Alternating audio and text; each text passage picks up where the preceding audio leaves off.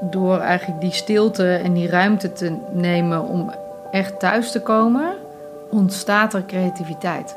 Leiderschap is het begeleiden of het faciliteren van een reactief team naar een actief team naar een proactief team. We choose to go to the moon in this decade and do the other things. It's one small step for man, one giant leap for mankind. Now is the time to act. Now is the time to say yes we can. Welkom bij podcast 45. In deze podcast ga ik in gesprek met Suzanne Bontje. Een gesprek over de natuurlijke beweging van binnen naar buiten. Suzanne werkt met en via de natuur. Zo vertelt ze onder meer over hoe ze mensen meeneemt de natuur in en wat dat met mensen doet. Ze vertelt met enthousiasme dat het op een trail na een paar dagen gewoon ideeën regent. Het is een van de vele voorbeelden die ze deelt. Voorbeelden om haar visie te illustreren dat het bewustzijn van hoofd, hart en vooral het lijf inspiratie brengen in jouw leiderschap. Zo faciliteert ze mensen op verschillende manieren bij het openen van het bewustzijn van het lijf, zodat wat binnen is naar buiten komt. Het hoofd, hart en het lijf tezamen als eerste natuur. Ik wens je veel luisterplezier. Fijn dat je er bent en welkom. En fijn dat ik ook hier weer mag zijn. Uh, landgoed Zonnestraal.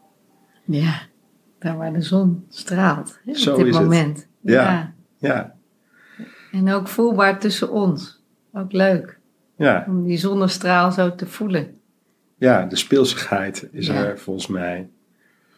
En, ehm, en dan samen zo even inchecken. Ik vond het prettig om even stil te zijn en even zo uit te wisselen. Dus dank daarvoor. En eh, nou, ik ben benieuwd waar, we- waar ons dit gaat brengen. Ja. Wat, ehm, wat zou je willen dat de luisteraar nu al van je weet? Wat ik merk op dit moment is dat ik eh, verlang naar de lente. En dat ik zo eh, ongelooflijk dankbaar ben voor de zon die we zo hier eh, mogen ontvangen in deze ruimte. En dat die zo voelbaar op onze lijven schijnt. Ehm, ja, ik heb best een lange winter ervaren. Ehm, Ik ben ontzettend eh, ja, eigenlijk ook sinds dat ik een jaargang begeleid in het ritme van de seizoenen op basis van het boek van Jaap Voigt. Nou, dat doe ik nu zo'n negen jaar en ik ben zo dankbaar dat ik eigenlijk zo ja, in, in contact ben met die seizoenen. En dat ik nu zo'n beetje weer, hè, 22, 23 maart, eigenlijk bijna wel het hoogtepunt van de lente, eh, alweer zo de lente ook weer een beetje begint te voelen. Dus daar, ja, dat, eh, dat vind ik wel heel fijn. Ja. En, en wat voel je dan? En, en wat is in het kader van de seizoenen van Jaap Voigt dan nu waar we ons in bewegen? Nou, het is eigenlijk ehm, eh, de lente, dat gaat heel erg over eh, ja, zo'n zo'n beeld van zo'n krokusje, wat zo net met zijn kopje zo boven de grond eh, steekt. Ja, het liefst willen we natuurlijk heel graag dat die bloem gaat stralen en eruit komt. Dat is eigenlijk wat meer de zomer. Ehm, en wat de lente voor mij is, is dat ik eigenlijk dat enthousiasme van zin hebben om die bloem te gaan zien. Nog te kijken of ik dat wat, eh, wat meer kan, daarbij kan blijven bij dat enthousiasme. En dan niet aan die bloem gaan trekken. Maar dat ik veel meer eigenlijk de worteltjes water geef. eh, dat ik de aarde verzorg. Dat ik eh, zonlicht geef aan dat plantje. Dus eigenlijk mijn voeding, zeg maar, veel meer van het nieuwe, wat in de winter, zeg maar, geplant is, die zaadjes. Die zaadjes die, die in de winter eh, hebben, ja, liggen, liggen, ja, zitten liggen, gelegen in de aarde. Dat ik merk van, goh, dus het is nog niet het enthousiasme van de zomer, maar juist het voeden van die, van die worteltjes. Ja, En dat geeft enerzijds een enorme nieuwsgierigheid van wat gaat er zich aandienen in mij, maar ook buiten mij. Ehm, ja, dus dat vraagt ook een beetje op mijn handen zitten. ja. Ook wel. Een uitgesteld verlangen of zo. Ja, dat. Ja, Precies dat, ja. Ja, Ja. ja. Dus ja, dat vind ik het mooie van, van eh, ook de natuur en mijn bewustzijn en mijn werken ook in de natuur. Is dat die seizoenen zijn wel een hele praktische vorm om ook letterlijk mijn leven in te richten. Vroeger dacht ik eigenlijk dat het altijd maar zomer moest zijn. Weet je, je moet altijd oogsten. Maar ja, dat is natuurlijk eigenlijk ook een utopie. Dus ik heb ook echt moeten leren om echt de winter in te gaan. Want de winter was eigenlijk niet zo mijn seizoen. Ik was heel onrustig. Eh moet altijd doen, doen, doen, actie. Eh, dus ik zag ook in het begin heel erg op tegen de winter. En langzamerhand ben ik echt gaan houden van de winter. Om echt in dat holletje te kruipen. En ook te zien dat dat eigenlijk het seizoen is van de vernieuwing. Maar dat ik eigenlijk echt van de rust naar de stilte, naar de leegte heb te gaan in de winter. Om letterlijk de vernieuwing te kunnen laten plaatsvinden. Maar dat heb ik heel moeilijk gevonden. Ja. Omdat ik hou van actie en doen. En daarom heet mijn bedrijf denk ik ook Being Leadership. dat is mijn grootste uitdaging om echt veel meer te... Dat is echt mijn reis. Om veel meer te zijn. En dat veel meer te kunnen kiezen.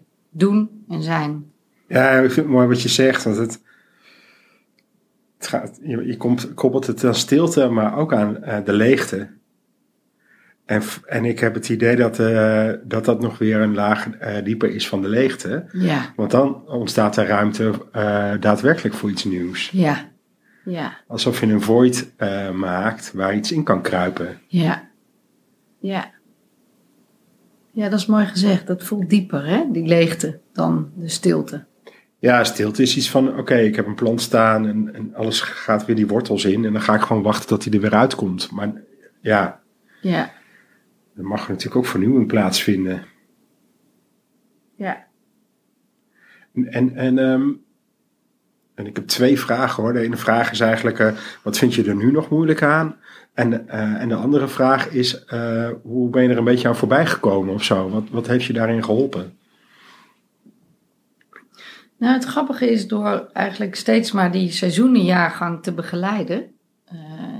daar ehm, ben ik eigenlijk afgelopen negen jaar dus aan het oefenen geweest van hoe ga ik die winter in? Ja, En wat ik merkte is dat ehm, ik op een gegeven moment bijna in de herfst al dacht: oh, straks lekker dat holletje in. Dus door letterlijk ook eh, vanaf 20 december tot eigenlijk een beetje, nou ja, begin januari niets, maar dan ook niets te plannen in de zin van werk. Dus wel met de familie zijn en kerst vieren en, en die dingen. Eh, maar om, om dat seizoen ook te eren in mijzelf. eh, maar ook dus de tijd en de ruimte te nemen om letterlijk van die, eh, van die stilte naar die leegte te kunnen komen. Om daar gewoon ook niets te plannen.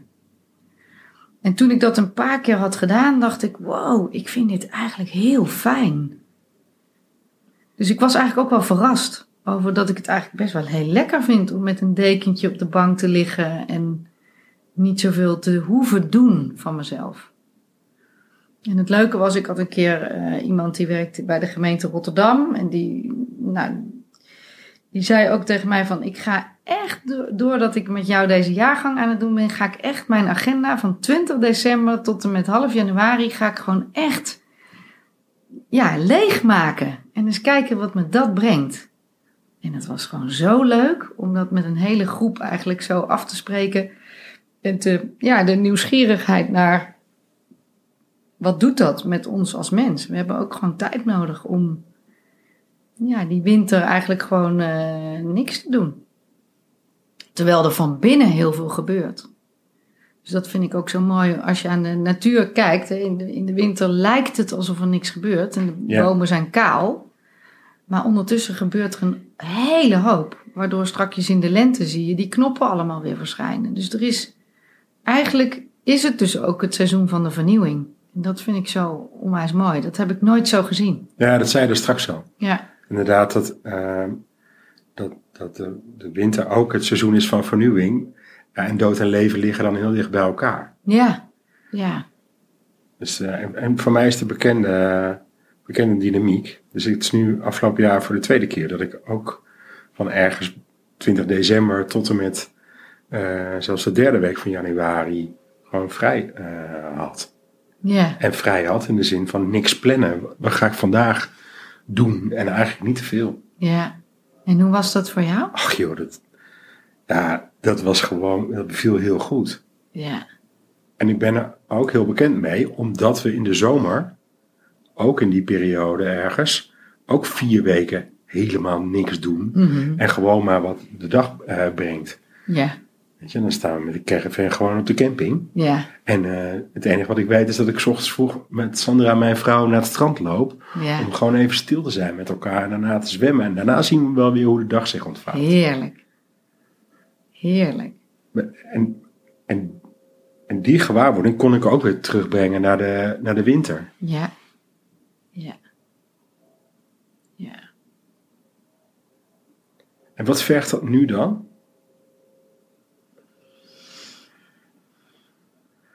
Nou, wat ik al een lente- beetje zei, dat op mijn handen zitten. Ja, Want als dat knopje van enthousiasme weer zo'n beetje aangedrukt wordt, dan kan ik ook als een soort raceauto weer eh, gaan. dus volgens mij bij jou ook niet zo heel veel voor, voor nodig. Dat knopje Nee. aanstaan is bij jou heel snel, denk ik. Ja, ik ben best heel enthousiast te krijgen. Ja. Dat is inderdaad ook mijn valkuil. Ja. En wat me sowieso wel echt helpt is, ik ben in 2014 ben ik eigenlijk eh, in contact gekomen met de Kundalini-energie. Ik wist überhaupt helemaal niet wat dat was. Maar doordat ik zo'n stroom in mijn buik voelde en dat ook deelde met mensen die zeiden, joh, dat is Kundalini-energie. Ik dacht, nou, oké. Toen ben ik een Kundalini yoga docentenopleiding gaan doen. En eigenlijk ehm, is dat ook iets sinds 2014. Nou, ben ik eigenlijk zoveel mogelijk in de ochtend op mijn yogamatje te vinden. Samen met de hond, toch? Wat zeg je? Samen met de hond. Ja, toch? ja, ja, ja, ja, die ligt dan altijd naast mij op de Ja. bank. Dat is wel heel fijn. Maar wat, ik, wat me daarin helpt, is dat eigenlijk ook een moment is waarop ik ochtends dagelijks stilsta bij mezelf. Van hoe voel ik me eh, als ik kijk naar de dag die komen gaat. Heb ik dan dingen waar ik heel veel zin in heb? Of zijn er dingen waar ik eigenlijk tegenop zie? En zo kijk ik ook een beetje naar het leven van eb en vloed. Wat zijn dingen die eigenlijk een beetje bij me weggaan, omdat ik er eigenlijk niet meer zo'n zin in heb, of wat me niet meer zo voedt? En wat zijn dingen waar ik echt blij van word? Dus ik probeer eigenlijk zo een beetje om te gaan met dat enthousiasme. Want voordat je het weet, ben ik heel enthousiast voor alles. Doe ik veel en put ik mezelf ook uit. Ehm, en ja, ik ben in januari 50 geworden en dat ga ik niet meer doen. Ik wil eigenlijk heel graag in het moment leven, voelen, eh, kijken waar ik behoefte aan heb. En ja, op die manier ook ja, meer het werk doen wat ik ook echt... hè, practice what I preach. Ja. Dat. En het klinkt alsof je meer afgestemd wil zijn op je binnenkant dan op de buitenkant. Ja, zo. Mooi verwoord. Dat is, dat is helemaal wat het is. Ja. Ik wil echt ook oprecht mijn lijf serieus nemen. Je krijgt er maar één. Dus in dat opzicht, ja, de afgelopen jaren, en dat is eigenlijk dus ook begonnen met die, met die Kundalini Yoga eh, opleiding, dat ik zo, ja, mijn lijf meer ben gaan voelen, letterlijk. Ik, ik ben dat echt gaan voelen als thuiskomen. Thuiskomen in mijn eigen lijf. Want ik heb daarvoor wel heel erg ehm, geleerd om heel goed te voelen hoe een ander zich voelt en me daarop af te stemmen. En dan ben ik dus eigenlijk niet thuis. Nee, en het was een logische vraag ook wel om daarna te vragen. Maar voor mijn gevoel gaan we dan eh, achteruit. Snap je? Dus ik kan je vragen, waarom was je vroeger altijd eerst op de buitenkant afgestemd? Ja, Maar dat is niet meer waar het over gaat. nee. En ik vind het ja, juist interessant om te verkennen voor jou hoe het nu is om aan je binnenkant eh, te zijn en vanaf daar eh, weer naar buiten te gaan. Ja, maar jeetje Mark, wat is dat iedere keer weer een, een hobbelige reis. Want ja, het is, het is voor mij niet het is zo'n natuur om afgestemd te zijn op de buiten, buitenwereld. En me daarin ook aan te passen op de buitenwereld. Eh, dus oeh, ik vind dat best een, een, een hobbelige reis, eerlijk gezegd. Dat is voor mij niet vreemd, die hobbelige reis. Ik ben ook eerst altijd bij de ander voordat ik bij mezelf ben. Ja, en ik had een keer een hele bijzondere ervaring. Die, die nu in mij opkomt. Waarvan ik dacht, wow, daar heb ik echt mee geëxperimenteerd. Om eens te kijken wat het effect is voor als ik echt thuis ben. Ja, En dat thuis zijn, hè, dat, dat klinkt misschien wat abstract en wat zweverig. Maar wat ik daar eigenlijk puur mee bedoel, is dat ik heel eenvoudig mijn voeten voel op de grond. Maar ook mijn billen op de stoel, mijn benen op de stoel. Mijn schouders voel, mijn, mijn eigen lijf letterlijk bewust voel. En ik had een keer een, eh, een bijeenkomst waar ik eh, iets zou moeten doen voor een groep. Eh, nou, dat waren ongeveer 100 mensen. Mhm. En ik dacht, ik ga gewoon eens experimenteren met dat ik echt bewust ga staan voor die groep, zonder dat ik de hele tijd in het publiek ben met mijn aandacht. Maar dat ik me echt had voorgenomen, ik ga mijn eigen lijf voelen terwijl ik spreek. En wat ik merkte, is dat ik eigenlijk vanuit eigenlijk een soort van dieper uit mijn buik sprak. Mhm. En voor mij klonk dat als niet super enthousiast verhaal. Dus ik, ik had eigenlijk een soort van afkeuringje op, nou, toen ik klaar was met dat verhaal. Ik weet niet of mensen daar echt op af gaan komen, want het was zo niet enthousiast. Vast een beetje vlakkig. Precies. En, En, eh, ja. en nou, vanuit de haptonomie, ik ben ook hapto, haptonoom. Vanuit de haptonomie zouden we zeggen dat je meer praat vanuit verdriet. ja, Hè, Dus meer geaard, meer je benen voelen terwijl je eigenlijk praat. En wat ik normaal gesproken was van ja, en dan moet je dit en dan moet je dat en dan die. Hè? Dus Gas veel geven, hoger ja. vanuit, mijn, vanuit mijn borst eigenlijk praten. Vanuit je. Nou goed, maar ik dacht, ik ga het doen. En eh, ik heb dat gedaan. En ik kwam later, kwam, kwamen er mensen op mij af en die zeiden: Wow, ik kon je verhaal echt voelen. ja. Ik dacht, oh, oké. Goh, dat was zo verrassend, omdat ik dacht, ik ben helemaal niet enthousiast geweest in dat verhaal.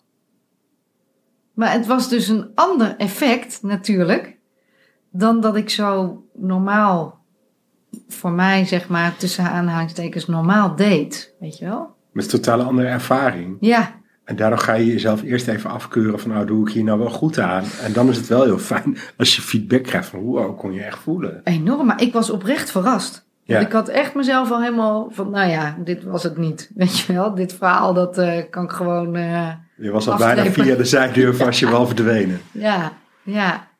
Nou ja, en eigenlijk door dat soort mezelf iedere keer uit te dagen op dat soort kleine experimentjes, merk ik eigenlijk ook dat het zo werkt voor mij in mijn bedrijf met het vullen van mijn groepen. Als ik ga naar Botswana of als ik naar Zuid-Afrika ga of ja, een ander programma wat ik begeleid dat Being Leadership heet. Eh, ik merk gewoon dat als ik niet thuis ben, dus als ik niet goed zorg voor mijn tempel, Ja, dan komen mijn groepen niet vol. ja, En als ik geniet, ik heb dat al een paar keer gehad, dat ik met mijn man was ik gewoon samen een paar dagen naar Madrid.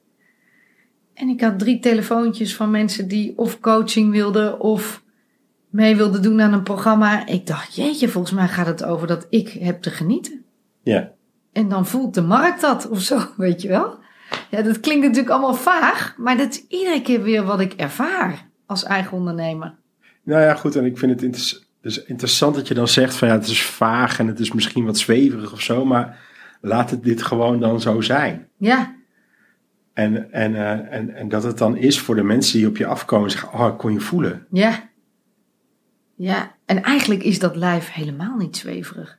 Nee, er is maar niks aardser dan je benen voelen, je buik voelen, je voeten voelen. Weet je, dat is eigenlijk helemaal niet zweverig. ja, weet je, we kunnen nu eigenlijk gewoon in deze podcast vragen van als je dit hoort, eh, stop, doe even je hand omhoog als je je voeten voelt, zeg maar. Ja, Precies. Ja, Het is heel logisch, denk ik. En ik denk dat we er dat, dat het niet meer zo normaal is om erover te praten op, over deze, op deze manier. Terwijl het juist wel heel erg nodig is. Nee, het is wel, wel wat ik merk als ik zo even stilsta bij hoe we nou zo gevaren zijn hè, met, met onze gesprek in deze podcast. Dat is ook wel iets hoe het in mij is gebeurd. Dus ik ben eerst ontzettend bezig geweest met de natuur. Dus het Ja. begeleiden van trails in de natuur. Groepen mensen mee te nemen, de stilte in. Die leegte laten ervaren. En vanuit die leegte de verbinding met jezelf ervaren. En daardoor ontstaat creativiteit. Dat is wat ik iedere keer in die trail zie. Op dag drie of dag vier regent het ideeën. Dus dat is zo boeiend hoe dat proces gaat. Ehm, en ik ben eigenlijk uitgekomen bij mijn eigen lijf. eh, om daarin echt mijn leiderschap ook ja, zelf te tonen. Om dat echt op plek 1 te zetten. Ja. En als het dan zeg maar zo even hoe kwamen we bij dit gesprek? Er was ergens een moment dat je een oprisping had. Liet je iets los. Hmm. Help me even. Ik weet ik niet zo. Ben me niet zo bewust even nu.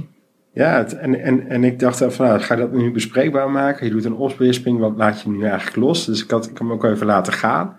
Misschien even in, de- in, mijn eh, discomfort over, oké, ga ik dat nu zeggen tegen iemand die zo bezig is met een lijf?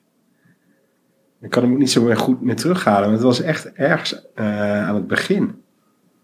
Dat je begon te praten over die seizoenen. Hmm. Daar was die Ja, dat ergens. kan ik even nu niet zo, nu niet meteen. Nou, misschien ben ik het me niet bewust hoor. Maar ik kan Nou. het me niet terughalen. Ja, maar dit is, maar ja, maar ik weet je, laten we dit dan los. Maar ja, ik geloof echt wel wat je zegt. En het mooie is dat na vier dagen begint ineens eh, ideeën te regenen. Ja, Alsof mensen dan thuis zijn gekomen of zo. maar dat, Ja, dat. En dat heeft echt tijd nodig.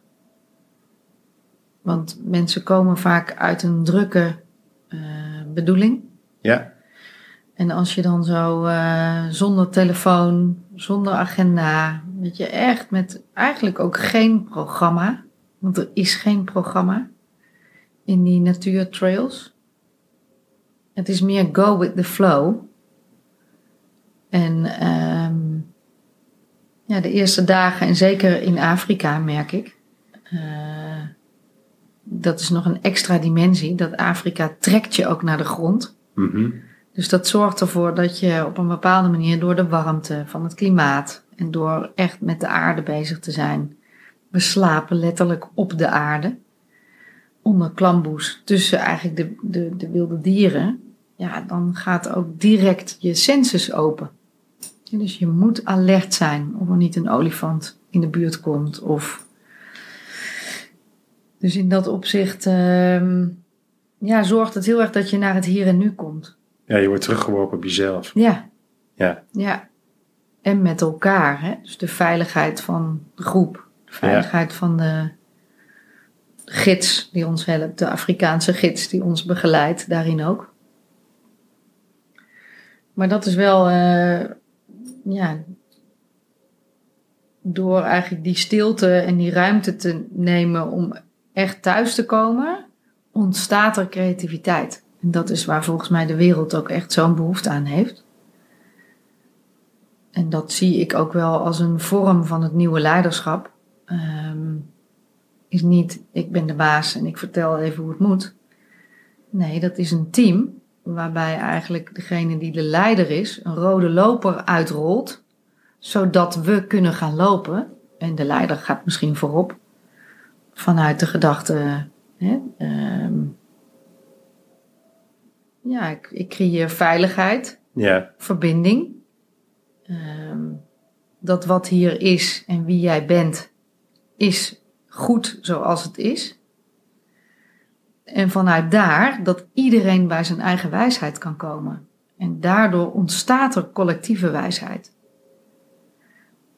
Ik weet niet of dat abstract klinkt, maar wat ik merk is dat, je, dat daardoor eigenlijk die creativiteit ontstaat van 1 en 1 is 3. ja, dus je zegt heel veel, hè? Ja. In een paar zinnen zeg je heel veel. Ehm, dus ik dacht ook even, oh, ik moet even tijd nemen om weer even aan te haken. Maar dan even om te checken, is die leider, als die bij zichzelf thuis is, en dan kan je voorgaan. En dan is 1 plus 1 eh 3. Ehm, en dan ontstaat in ieder geval de eerste verbinding van 1 plus 1. Ja. En dan ontstaat er ruimte voor meer verbinding. Ja. En dan krijg je volgens mij ook weer die meerlagigheid. Ja. Misschien dat ik een concreet voorbeeld kan geven waaruit dit blijkt. Ja, Ehm, als ik met een groep op trail ga, ja, dan is de eerste avond staat in het teken van levensverhalen delen. En niet zozeer hè, wat je op je cv hebt staan, maar veel meer over de hoogte- en dieptepunten in je leven. Als ik oprecht vanuit mijn inspiratie op dat moment eh, kan delen waar ik tegen aangelopen ben in mijn leven, en dus laat ik mijn kwetsbaarheid zien, ja, en niet vanuit, hè, laat mij eens even, hè, vanuit een stoere optiek. Ik zal eens even voorgaan wat er voor mij allemaal kwetsbaar is. ja maar pak allemaal maar even je zakdoeken. Ja, Precies. Die niet. Hè? Nee. Maar echt vanuit de verbinding met mezelf delen wat, wat, wat ik heb beleefd in mijn leven, wat mij heeft gevormd. Dan ga ik eigenlijk voor op die rode loper. Ja, En zodra ik dat vanuit een authentieke plek doe, durven mensen ook te gaan lopen. En dat is een eerste vorm van verbinding van wat je ook hebt beleefd. Jij bent helemaal oké zoals je bent. ja, En ja, dat is wel de start in ieder geval van, eh, ja, zullen we zeggen, een groep die met elkaar kan groeien en Ja. leren. En ik denk dat je elke keer weer eh voorgaat. Ja, Als facilitator of als begeleider of als leider van die groep. ja, Eh, maar ik denk ook in het echte leven dat dat zo is. En, en wat mij eh, opvalt is dat we nu allemaal in allerlei experimentele nieuwe structuren bezig zijn. waarbij die leider eigenlijk steeds meer naar achter wordt gedwongen om de groep te laten. En steeds meer uit zijn plek komt. En niet meer zo, wordt uitgenodigd of wordt gevraagd of de plek wordt gegund om het voorbeeld te geven. ja, ja, ja. Dat houdt mij bezig. Ja, en ik, ik heb zelf het idee dat, dat daarin heb ik ook altijd gewerkt met de methode van impeccable leadership. Mhm. Eh, dat helpt mij enorm om naar een groep te kijken als een gestalt. Als een, dus je zit met één been in de groep, Ja, maar met één been ook uit de groep om naar het fenomeen. Ik zei het gestalt, maar je kan ook zeggen het fenomeen van het team te kijken. ja, het fenomeen van het geheel. Precies. Ja, En dan zijn er eigenlijk altijd fases in ontwikkeling van een team. ja, En als je als leider bewust bent van die dynamiek, dan kan je ook bewust zijn van wat is het gedrag van een leider, wat, wat wordt verwacht in die verschillende fases, waardoor een team kan groeien van reactief via actief naar proactief. En dat is uiteindelijk zoals ik kijk naar leiderschap. Leiderschap is het begeleiden of het faciliteren van een reactief team naar een actief team naar een proactief team. En iedere fase van die ontwikkeling, daar zitten uitdagingen en verstoringen van de leider. ja, En dit is iets wat ik heb geleerd van Frits Wilmsen, van, Mhm. eh, hè, van het bureau Frits Philips Junior en Partners. ja, En daar ben ik hem eeuwig dankbaar voor. ja, Dit is een methode die. Ja, hij heeft daar een mooi boek over geschreven, maar. Ja, ik heb ik het heb zo van hem geleerd, weet je wel? Hoe dat. dat is een ambacht. We hebben daar ook samen zo in geleerd. Van Ja, maar- Hoe werkt dat met die teams? Ja, dit is zo'n ambacht. Ja, Dat dat, is- is... zo mooi dat je dat zegt, want Ja. dat is echt zo. Ja. En dan is het mooi dat iemand zijn ambacht ook weer in een boekje s- schrijft. Of wil ik ook zeggen boek. Ik heb het ook gelezen. Oh, echt? Het is wat dunner, Leuk. maar het is wel een boek. Ja, Ehm, en ik vind het mooi dat iemand dan zijn vakmanschap deelt. ja. Nou, en het mooie is, ik met hem, heb met hem jarenlang en nu nog steeds eh, groepen begeleid vanuit piramideorganisaties. Mhm. En ehm, wat we daar ook zo eh, merkten, is dat ehm, je staat voor zo'n groep en dan ben jij in zo'n training waar je dat, eh, eh, die groepen begeleidt en leert. En dan ben jij dus die leider die die groep bege- begeleidt van reactief naar actief naar proactief. En dat in iedere fase zo ongelooflijk nauw luistert hoe jij doet of wat je misschien niet doet als leider om bepaald gedrag te stimuleren of juist te, te remmen of zo. Nou ja, ja. Dus dat was eigenlijk, eigenlijk een beetje mijn begin van mijn eh, passie voor leiderschap. Dat Ja. impeccable leadership. Ja, en je hebt denk ik ook een talent van in beweging zetten eh, van dingen. Ja? Dat- Ja, dat is het, steeds wat ik de hele tijd zie. Eh, van binnen naar buiten is er eentje. Eh, maar hij zit ook ergens eh, horizontaal. Ja, deze van binnen naar buiten is bijna verticaal voor mij. Maar je doet ook iets horizontaals. Dus volgens mij ben je heel goed in het, ehm, in, het in beweging zetten van iets. En heb je daar een fijn gevoelig snaartje voor. Oké. En dat ben je, denk ik, eh, ook eh, gaan theoretiseren. Ja.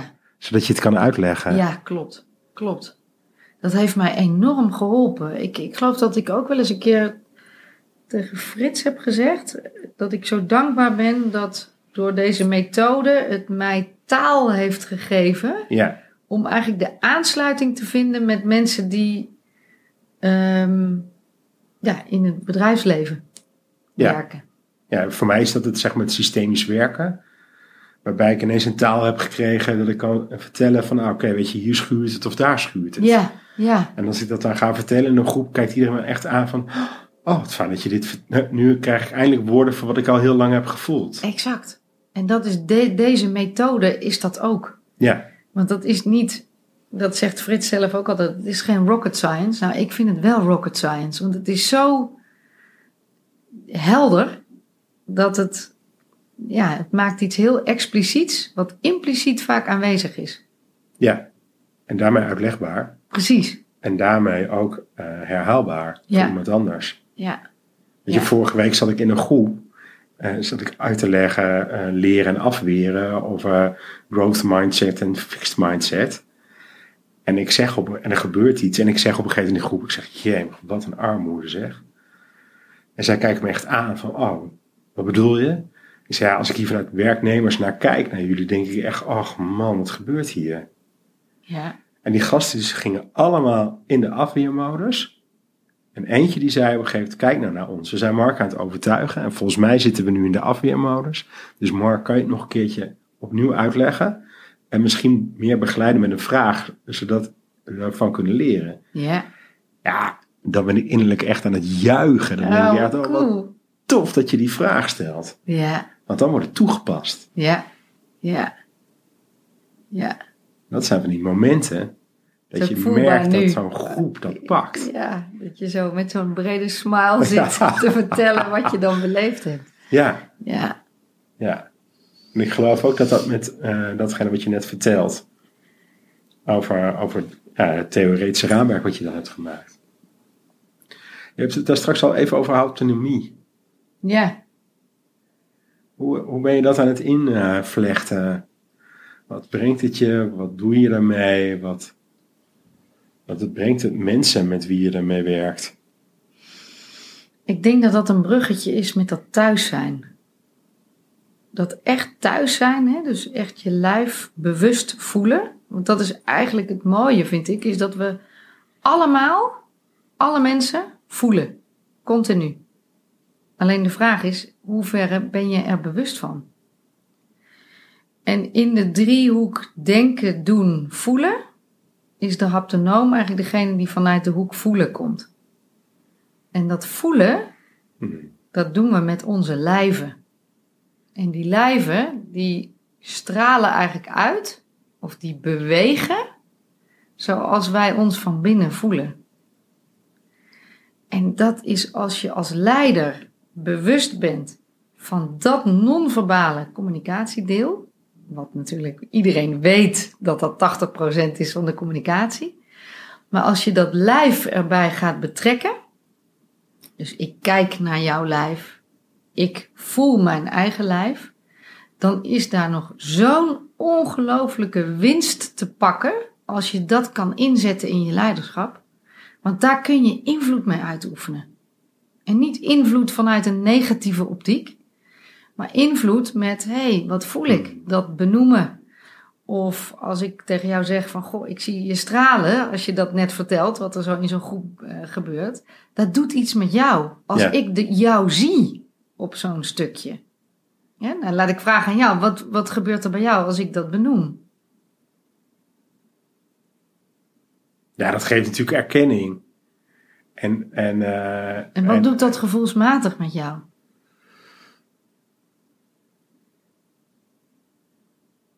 Nou, weet je, daar, daar wordt het enthousiast, daar wordt, eh, daar wordt het gesprek voelt als rijkdom. Mhm. Ehm, en, en ik voel het gewoon in mijn lijf. Ja, de, het wordt er steviger van. Ehm, en, en wat er tegelijkertijd ook gebeurt, is een stemmetje, en dat is dan weer een hoofdding, die zegt: Ja, wacht even, Mark, het gaat niet over jou in deze podcast. Ja, het gaat ja, over ja. Suzanne. ja. Het, maar de- eh, dat is meteen wat er ook gebeurt. Maar volgens mij is onze intentie om een mooi gesprek te hebben. Nee, zeker. En in dat opzicht, hè, ja, eh, ja, is dat stemmetje is altijd zo'n grijpertje die je ergens weer uithaalt.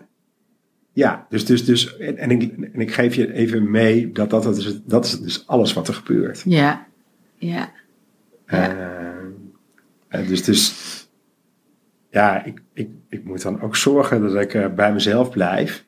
En niet in een soort van enthousiaste overdrive kom. Waardoor ik alleen maar mooie gaaf verhalen ga zitten vertellen. ja, Want daar is niemand bij gebaat. ja, ja, ja, ja, ja.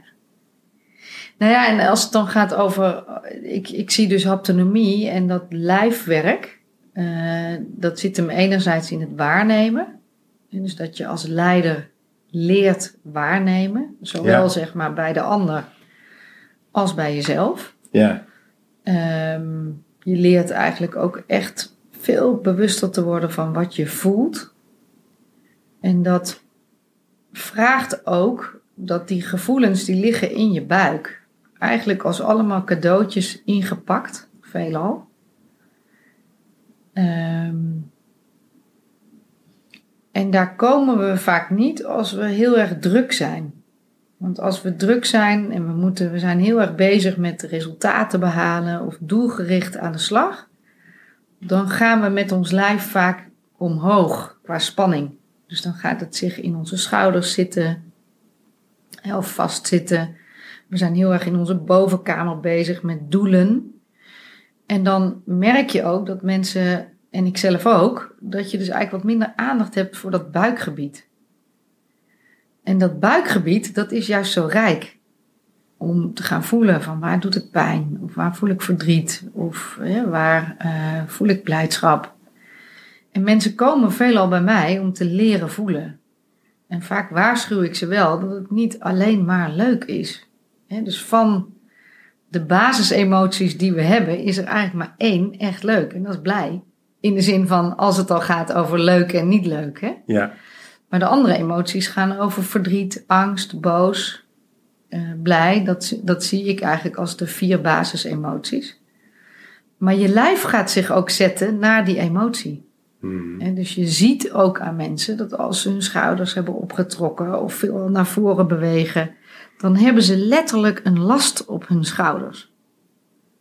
Nou, dan is het ook weer mooi om ze daar bewust van te maken en te kijken of je wat meer je hart kan laten zien aan de wereld. Dus Ja. je schouders wat meer naar achter. En dat helpt soms ook heel erg fake it till you make it. Dus op het moment dat jij wat anders gaat bewegen, of anders gaat staan, dan ga je je direct anders voelen. Ja, Ik heb er zelf ook een persoonlijke ervaring mee. Ja? Ja, iemand maakte mij gewacht van het feit, hoe, hoe goed kan je eigenlijk nee zeggen? Hmm. En, en die zei van nou, eh, beweeg je hoofd gewoon dan eens op en neer. En ik ging dat doen. Nou ja, je ziet nu misschien wel hoeveel spierspanning er dan nog in mijn nek zit. Hè? Maar, maar ik, ik, kon, ik kon niet eens nee fysiek zeggen. Ja. Onwijs. En ik heb gewoon echt wekenlang elke ochtend gewoon gezeten.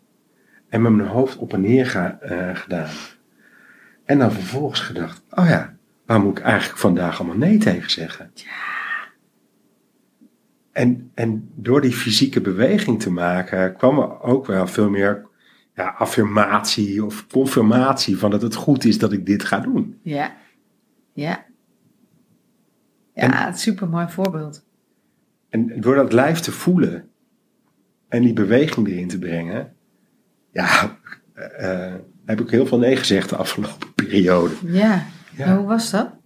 Ach, wat een opluchting. Ja. En dat, ja, en dat gaf dus ook de leegte in, gewoon, dat voelde gewoon de leegte in mijn lijf. Ja. Ja. Ja, en dat is het, het. Dat doet mij een beetje denken aan dat. Mag jij wel eens boos zijn van jezelf, bijvoorbeeld?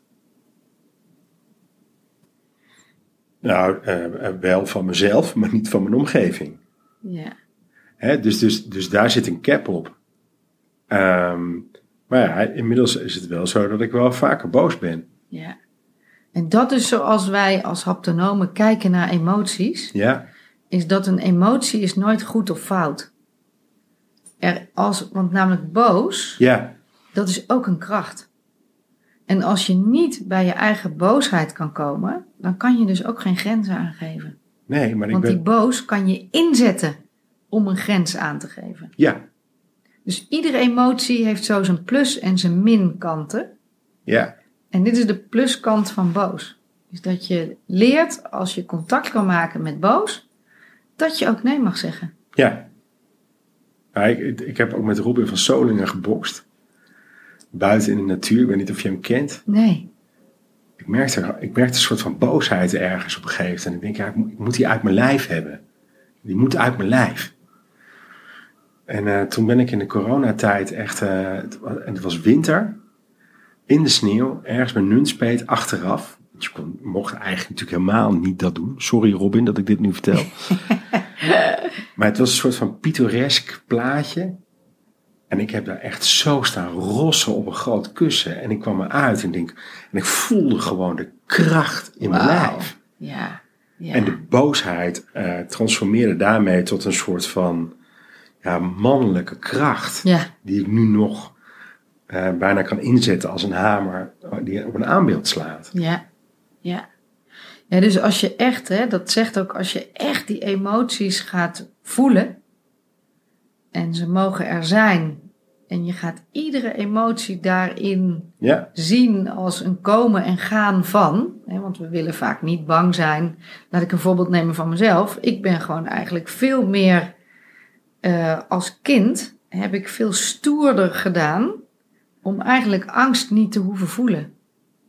Ik ben ook beloond op die kracht.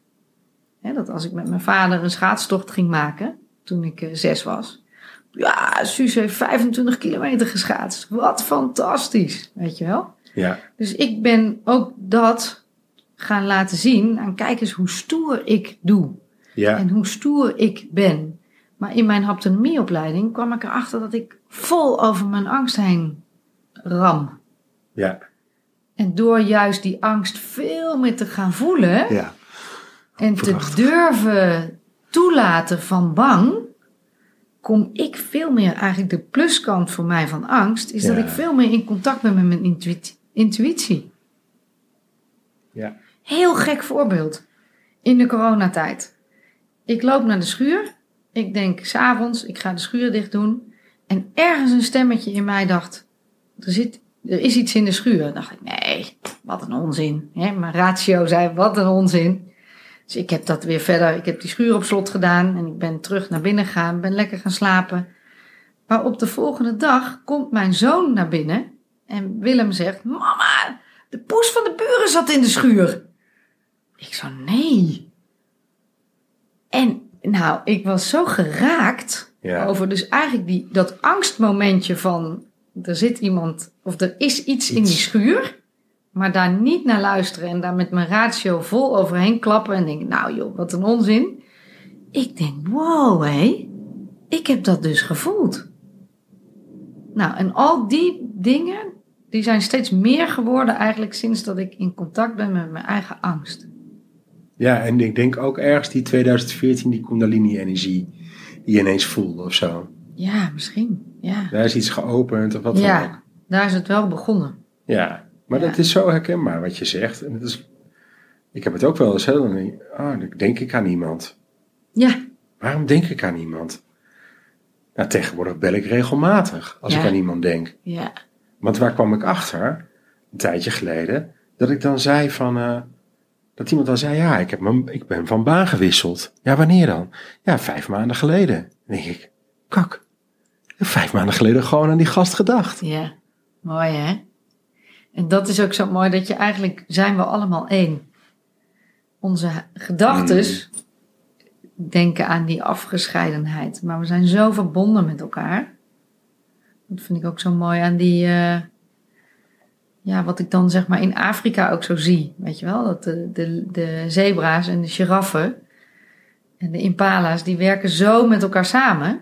De giraffen kunnen heel goed kijken. De zebra's kunnen heel goed voelen. En eh, ja, dat is gewoon... Die werken samen. Dus als er ergens angst verschijnt, namelijk de grote leeuw... Ja, dan zijn zij heel erg... Die staan ook heel vaak bij elkaar... om elkaar eigenlijk eh, te helpen... ten opzichte van het grote gevaar.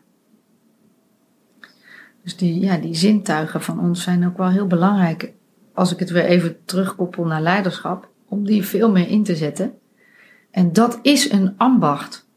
Dus dan kom ik weer even terug op jou, eh, wat jij zei. Leiderschap is echt een ambacht. Ja, En waar je je hoofd, maar ook je hart en je lijf voor kan inzetten. Om daar echt een vakman of vakvrouw voor te zijn. En wat ik heel veel zie in organisaties is mensen die eigenlijk in hun expertrol een managersrol erbij krijgen.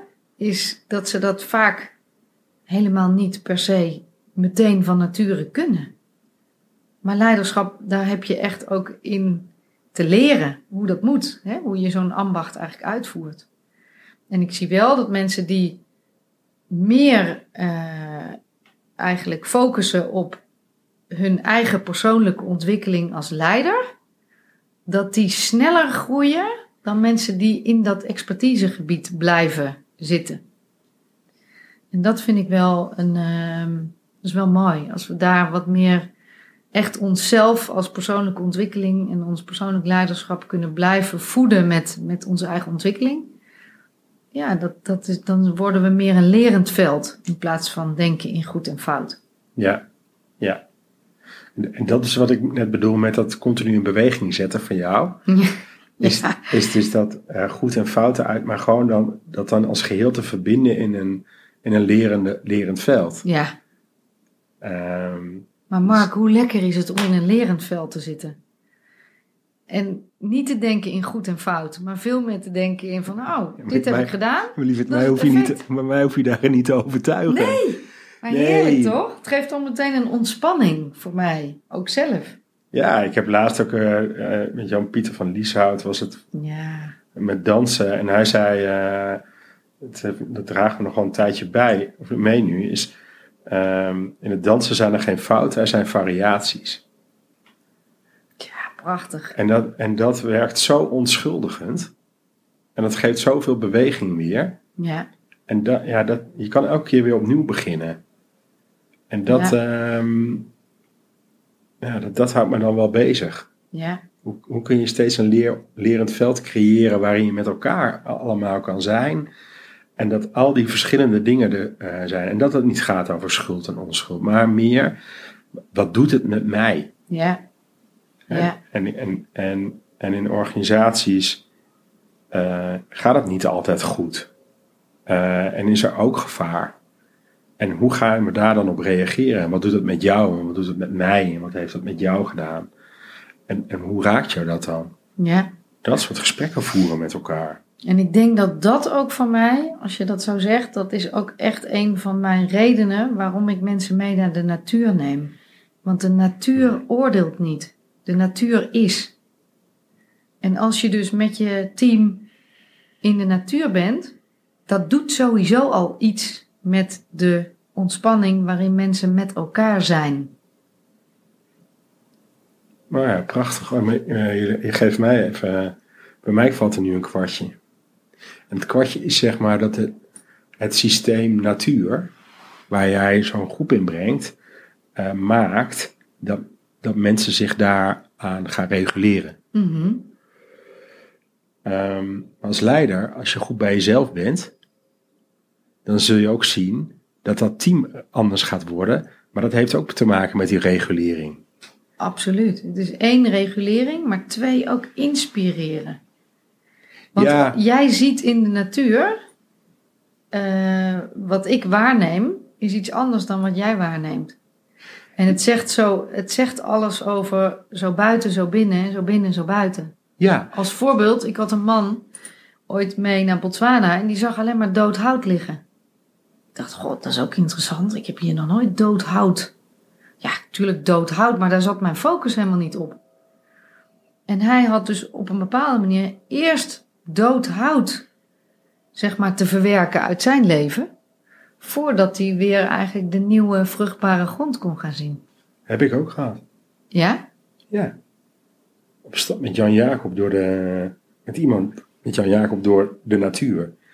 En ik zag alleen maar van die dode bomen. Hmm. Omdat de technische, technische uitleg daarvan is dat het grondwater heel snel omhoog is gekomen. Waardoor die bomen zijn. Maar ik zag alleen maar van die dode bomen. En ik Ja. vond ze prachtig. Ja, ja, ja, ja. Ja. Nou, Ja. Dus het is enerzijds regulerend. ja. Het trekt mensen echt naar beneden als je buiten bent. Het haalt je naar je zintuigen. Dus je gaat veel meer zien, horen, voelen, ruiken. Ehm, maar ook inspireren. Want dan ga je dus eigenlijk bewust worden van wat je buiten ziet en wat dat voor effect op jou binnen heeft. Ja.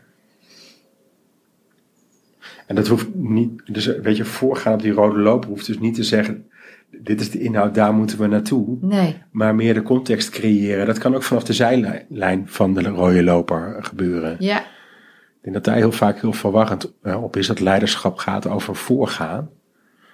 In aangeven waar moeten we naartoe. Maar misschien, het gaat denk ik veel meer over voorgaan in het creëren van de condities. ja, Door bij jezelf te zijn. eh, waar anderen weer op kunnen instappen. ja. Ik heb wel gemerkt dat het heel belangrijk is om een helder kader te hebben. Dus voordat we vertrekken, wat is het kader? Wat is de opdracht? Wat is de, nou, toch onze intentie Ja, waarmee je gaat? En dat kan je daarna ook weer loslaten, omdat als het je intentie helder is, dan is het ook mooi om daarna dat weer los te laten en te kijken wat ontvouwt zich. Ja, mooi. Ja. Laatste vraag. Mhm. Wat wil er vanuit binnen nog gezegd worden? Nou, ik denk dat ik wel diep in mijn, vanuit mijn hart hier, vanuit deze plek zou willen zeggen tegen mensen: zoek de natuur op, bewust. Ehm, neem waar wat er zowel buiten je gebeurt, maar ook wat er in je gebeurt. En neem dat serieus. Zoiets. Punt. Dankjewel. Dankjewel.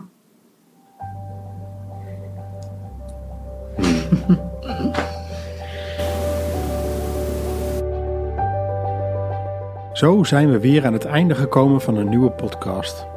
Mocht je een vraag hebben naar aanleiding van de podcast of over organisatietransformatie in zijn algemeen, dan kan je mij een mail sturen op markapenstaartovertransformaties.nl. Daarnaast kan je je op de website overtransformaties.nl inschrijven voor de podcast alert. Als er dan een nieuwe podcast is uitgebracht, krijg je hiervan een bericht. Nogmaals dank voor het luisteren en wellicht tot een volgende podcast.